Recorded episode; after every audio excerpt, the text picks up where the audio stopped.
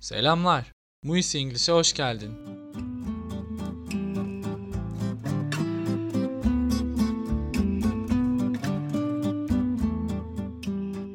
Öncelikle bazı haberler vermek istiyorum.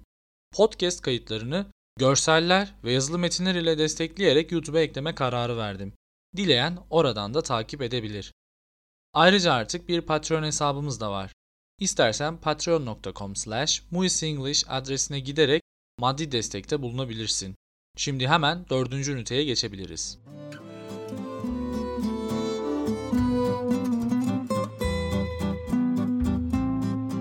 Ünite 4 Phonetics and Phonology Daha önce competence ve performance kavramlarından bahsetmiştik.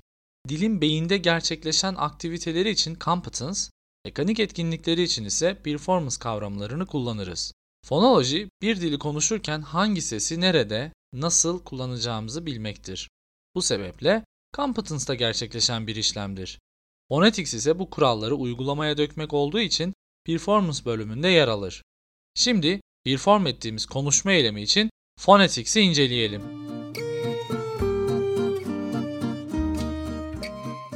Ses üretimi ile ilgili olan phonetics, articulatory, acoustic ve auditory olmak üzere üçe ayrılır.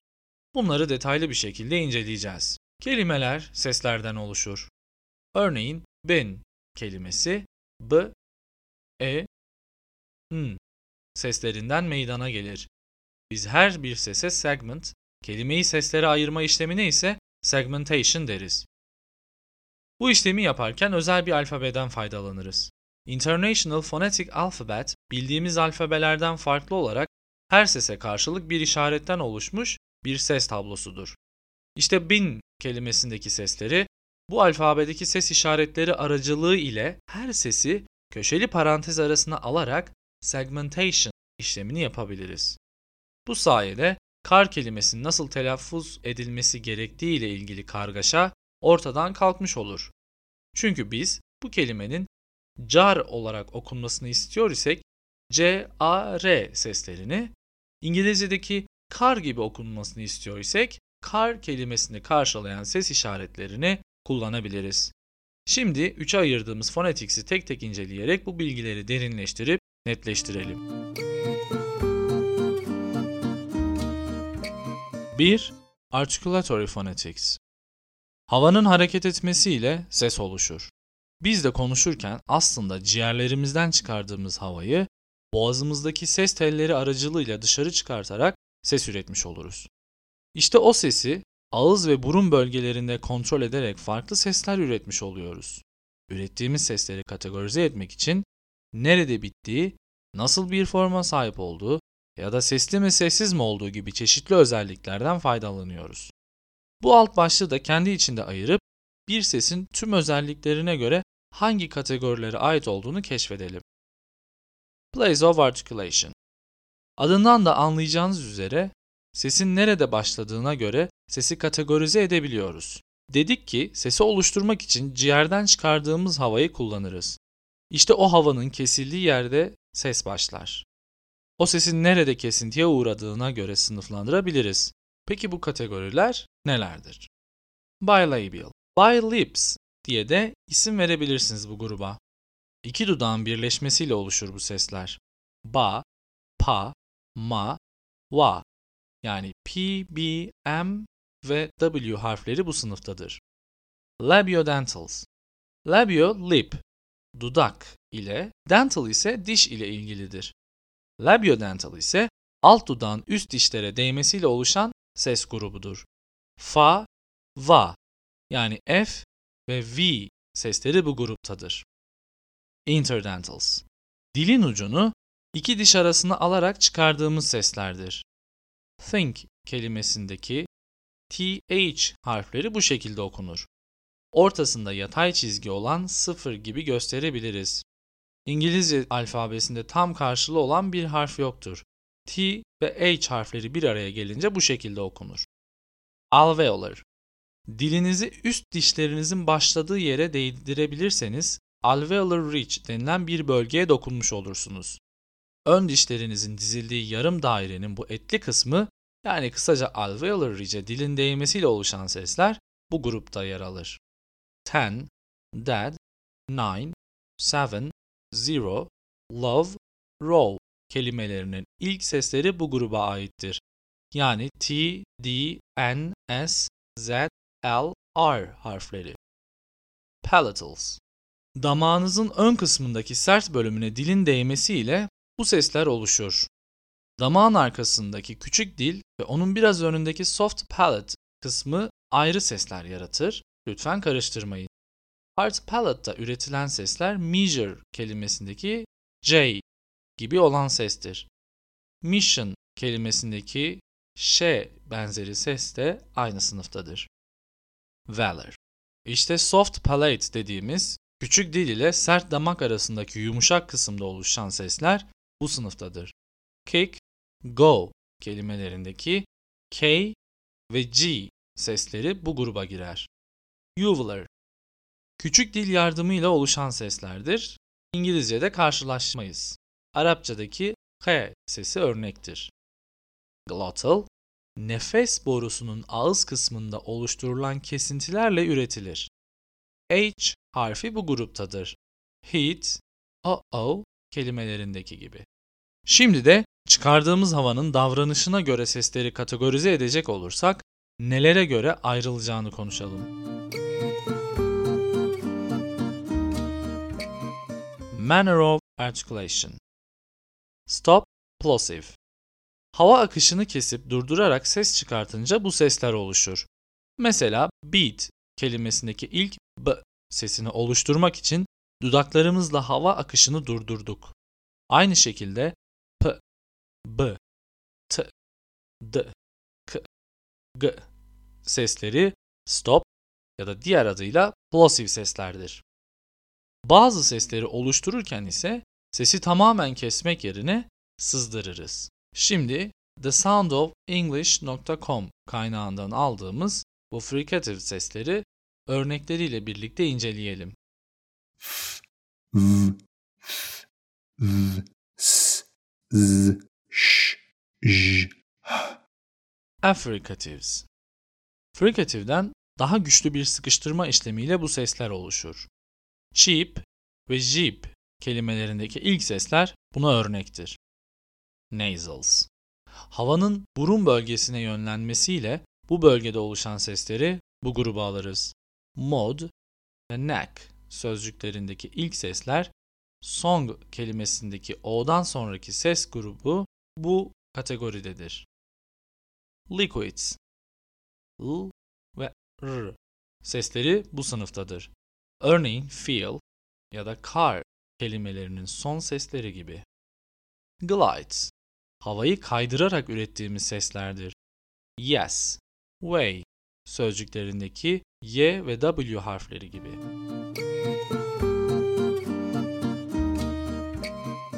Voicing state Ciğerlerden gelen hava larynx yani gırtlak yoluyla dışarı çıkar. İşte larynx içinde vocal folds yani ses telleri bulunur. Ses çıkardığımızda bu teller açık ya da kapalı durumda olabilir. Vocal folds açık durumdayken voiceless sound meydana gelir çünkü hava herhangi bir engele takılmaz ve tellerde titreme oluşmaz. Vocal folds kapalı durumda olduğunda hava sızarak dışarı çıkmaya çalışır ve tellerde titreme meydana gelir. Bu durumda çıkan seslere ise voiced sounds diyoruz. İsimleri sebebiyle sakın Türkçedeki sesli sessiz harfler gibi düşünmeyin. O sadece isim benzerliği. Zira biz zaten şu anda sadece konsonant sesleri inceliyoruz. Türkçeden şu şekilde faydalanabiliriz. Bildiğiniz gibi fıstıkçı şahap kelimelerindeki tüm ünsüz harfler sert ünsüzlerdir. Yani voiceless sounds aslında sert ünsüzler demektir. Aynı sesleri f, s gibi İngilizce'de de voiceless sounds olarak kullanırız. Zaten tüm ünlü harfler yani vowels voiced sounds grubundadır. Vowels Şimdiye kadar consonants'ları kategorize ettik. Peki vowel sesleri nasıl sınıflandıracağız? Bunu yaparken şu üç duruma göre karar veririz. Dilin yüksekliği, dilin ağız içinde önde ya da arkada olması ve dudağın düz ya da yuvarlak olması. He ve who kelimelerindeki vowel sesleri inceleyelim. İlk kelimede he derken ağız yapınızı inceleyin. Dilin ucu yüksekte olduğu için high ya da close bir vowel'dır. Ancak who kelimesindeki vowel'ı seslendirirken dilin arkası yüksektir. Bu yüzden buradaki ses high back vowel olacaktır. Aynı kelimeleri tekrar seslendirip dudağınızın aldığı şekle bakın. Who kelimesinde dudağımız rounded olacaktır. Ancak he kelimesinde unrounded şeklini alır. Son olarak bu konuda diphthong ve triphthongs kavramlarına bakalım. Diphthong iki vowel'ın bir araya gelmesiyle oluşur. Örneğin great kelimesini seslendirdiğimizde e, a sesleri bir araya gelmiş gibi görünür. Çünkü dilin yükselen kısımları hızla değişir. Başka bir örnekle pay kelimesini inceleyin. Tek vowel görünse de aslında okurken iki farklı vowel ses çıkartmış oluyoruz. Triphthongs Diphthong sesleri şua ekleyerek elde ettiğimiz seslerdir. High kelimesini okurken iki ses birleşmiş oluyor. Higher kelimesi ise üç sesi birleştiriyor. Phonetics başlığından bu kadar. ipachart.com adresine giderek tüm tabloyu sesli olarak incelemenizi tavsiye ediyorum. Sesleri dinleyip tekrar ettiğinizde ağız yapınızı incelerseniz her şey daha anlamlı olacaktır. Sınavda mutlaka soru gelen bir bölüm olduğu için en azından bir net garantilemek için bu konuyu sağlamlaştırmanızı öneririm. Şimdi competence'daki işlem olan fonolojiye geçelim. Fonoloji Konuşmanın mental kısmıyla ilgilenen fonoloji daha çok ses kuralları ile ilgilenir. Biz fonetik başlığında minimal and smallest unit olarak fon kavramını kullandık. Fonim ise fonolojide smallest and minimal unit olarak geçer. Fonim kavramını biraz açalım. Fonim en küçük sese denir. Örneğin hat kelimesinde 3 fonim bulunur. H, A, T harflerinin verdiği sesler. Bir başka örnekle devam edelim. Seek ve seed kelimelerinde de 3 adet fonim yer alır. Harf sayısı sizi yanıltmasın. Peki bu fonimlerden iki tanesinin aynı olması nasıl bir durum ortaya çıkartır? Minimal pairs and minimal sets. Seek ve seed kelimelerinde 3 fonim bulunur demiştik. Bunlardan iki tanesinin ortak olması durumuna minimal pairs denir. Pin ve bin kelimelerinin ilk sesleri farklıdır. Bu farklılık iki ayrı kelime olmalarını sağlar ve bu kelimeler kendi aralarında minimal pairs olarak kabul edilir. Tek bir ses değişikliği ile iki farklı kelime türediği için bu kelime çiftine minimal pairs diyoruz. Türkçedeki at ve et kelimeleri de minimal pairs olarak kabul edilebilir. Tek fonim değişikliği ile ikiden fazla kelime türetebiliyorsak bu kelimeler de aralarında minimal sets olarak kabul edilir. Creek, croak, crook kelimeleri için kendi aralarında minimal sets olarak ifade edilebilir. Allophones Allo, kelime anlamı olarak other demektir. Fon ise daha önce de bahsettiğimiz gibi en küçük ses birimidir. Örneğin pin ve bin kelimelerindeki ilk sesler birbirlerinden farklı iki fondur. Çünkü birbirlerinden ayrı iki sestir bunlar. Peki P ve tap kelimelerindeki P harfinin verdiği ses aynı mıdır? Aslında ikisi bir yerde aynı sesler olarak kabul edilebilir. Fakat kelimenin başında ya da sonunda olması, öncesinde veya sonrasında başka bir ses alması gibi sebeplerle çok küçük değişiklikler görülebilir. P kelimesinde daha uzun bir sesletim varken tap kelimesindeki P harfini havayı aniden engelleyerek bir ses üretiyoruz. Bu da çok çok küçük değişikliklere yol açıyor. Bu değişiklik elbette anlamda bir farklılığa neden olmaz. İşte bu P harfinin iki ayrı seslendirimde birbirlerinin alafonu olurlar. Başka bir örnekle top and stop kelimelerindeki T harfi aslında tamamen aynı değiller. Syllable Seslerin ne olduğu, nasıl oluştuğu hakkında artık yeterince bilgi sahibi olduğumuzu söyleyebiliriz. Bu sesleri bir araya getirerek syllable dediğimiz bütünü elde ediyoruz. Syllable'ları da bir araya getirerek kelimeleri oluşturacağız ancak bu morfoloji dersinin konusu. Syllable'ın simgesi üstünde ufak bir kuyruk bulunan O harfine benzer. Her syllable çekirdek görevinde bir nükleosa sahiptir ve bu da genellikle bir vowel olur. Nükleosun önüne gelen kısım için onset ve sonrasında gelen kısım için de koda ifadelerini kullanırız.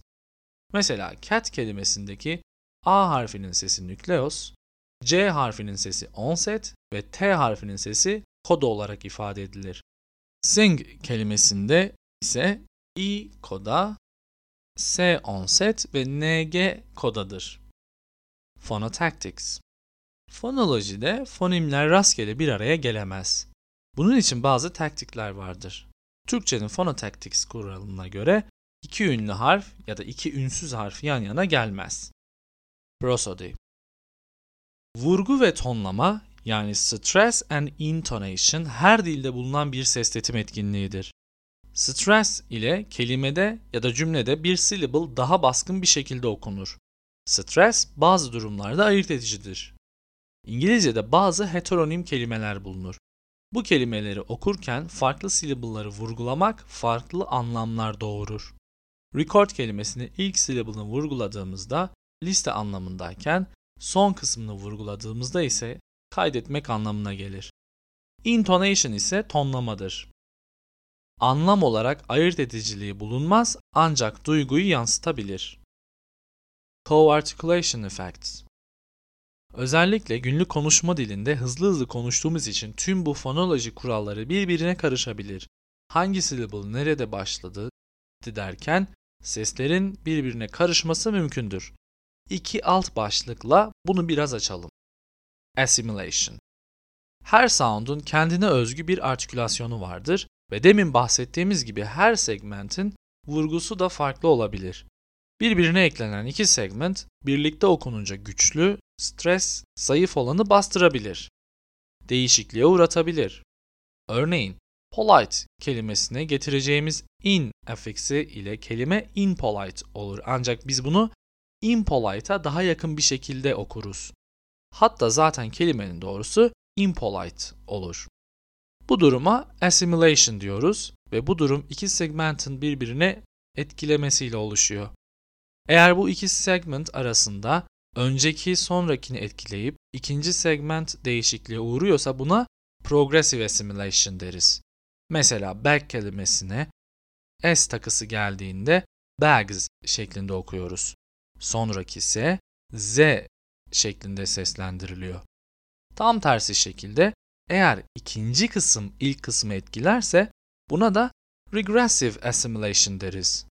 Have kelimesinin sonu v ile bitirmemize rağmen have to olunca gelen to eki sonunu f şeklinde seslendirmemize sebep olur. Elision Bu durum assimilation gibi ses değişikliğine sebep olmaz. Birbirini etkileyen seslerden birinin diğerini yutması durumuna elision diyebiliriz. Friend ve ship kelimelerini birleştirdiğimizde friendship kelimesi ortaya çıkar. Ancak friend kelimesindeki the sesi yok olur. İşte bu bir elision örneğidir. Phonetics and Phonology ünitesi burada bitti. Tekrardan bir şeyi hatırlatmak istiyorum. Bir sesin nasal, bilabial ya da glottal olduğunu anlamak için ben liste ezberlemeyi pek uygun görmüyorum. Daha önce de ifade ettiğim gibi ipachart.com adresine gidip sesleri tanıyıp, dinleyip ve tekrar edip bu konuyu daha iyi oturtabilirsiniz. Benden söylemesi. 5. üniteyle devam edelim.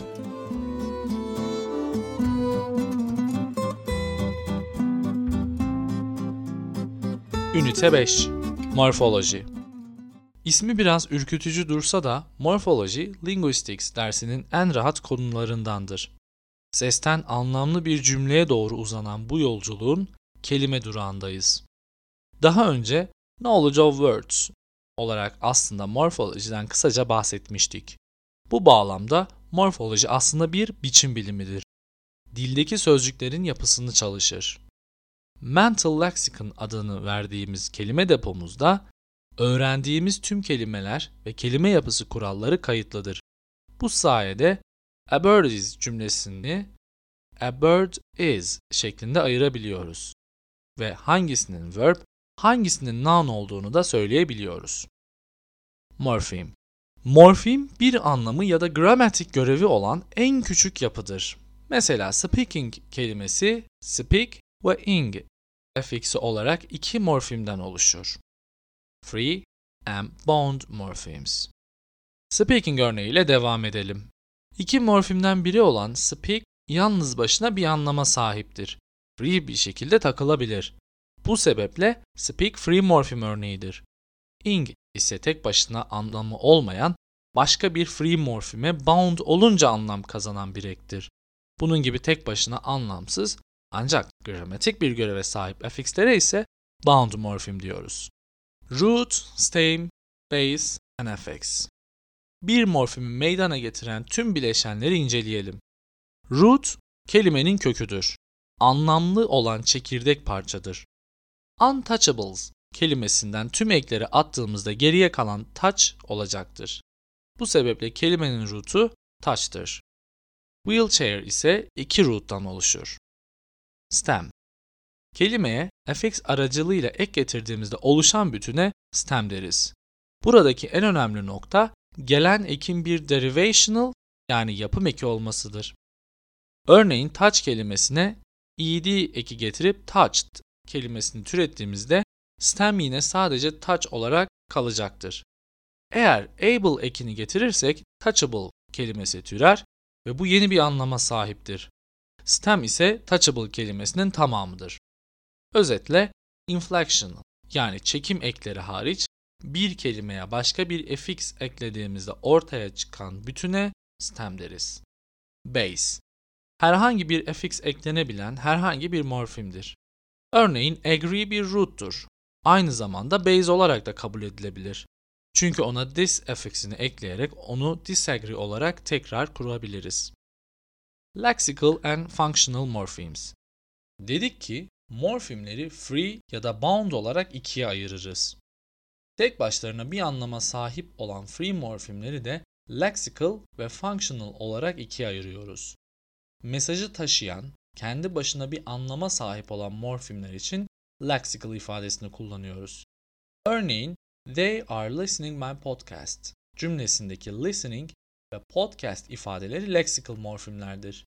Aynı cümlede yer alan they, are, my gibi ifadeler ise functional morphemes olarak kabul edilir. Çünkü evet tek başlarına kullanılıyorlar fakat asıl olayları gramatik bir görev üstlenmektir. Örnek cümledeki they ifadesi biraz kafa karıştırmış olabilir. Çünkü onlar anlamındaki they'i bir şekilde tek başına kullanabiliyoruz. Tam olarak karşılığı olan bir ifade. Bilmemiz gereken iki kavram daha var. Open class ve closed class. Dildeki open class kelime grubu yeniliğe açıktır. Bu gruptaki lexical morfemlerin arasına zamanla yenileri girebilir ya da bazıları tedavülden kalkabilir. 2000 yılında podcast kelimesiyle karşılaşmanız pek mümkün değildir. Çünkü iPod ve broadcast kelimelerinin birleşmesiyle türemiştir bu kelime ve iPod ilk defa 2001 yılında tanıtılmıştır. Closed class ise adından da anlayacağınız üzere yeni eklemelere tamamen kapalı ya da çok nadir yenilik gören morfem grubudur. Functional morfemler bu sebeple bu sınıftadır. Pronounlar telaffuz olarak değişse de her zaman aynıydı. Ortaya çıkmış yeni bir pronoun yoktur. Herhangi bir mayına basmadan hemen pronoun konusundan uzaklaşıyorum. Affixation. Bu bir ek sanatıdır. Affix bir kelimeye gelen ekin genel adıdır. İngilizce'de iki affix kullanılır. Prefix ve suffix. Prefix root'un önüne gelen affix'tir. Örneğin unhappy, disagree. Un ve dis burada prefix oluyor. Affix root'tan sonra gelen affix'tir. Driving, agreement, ing ve ment birer affix örneğidir. Bunlar dışında başka dillerde kullanılan infix ve circumfix de vardır.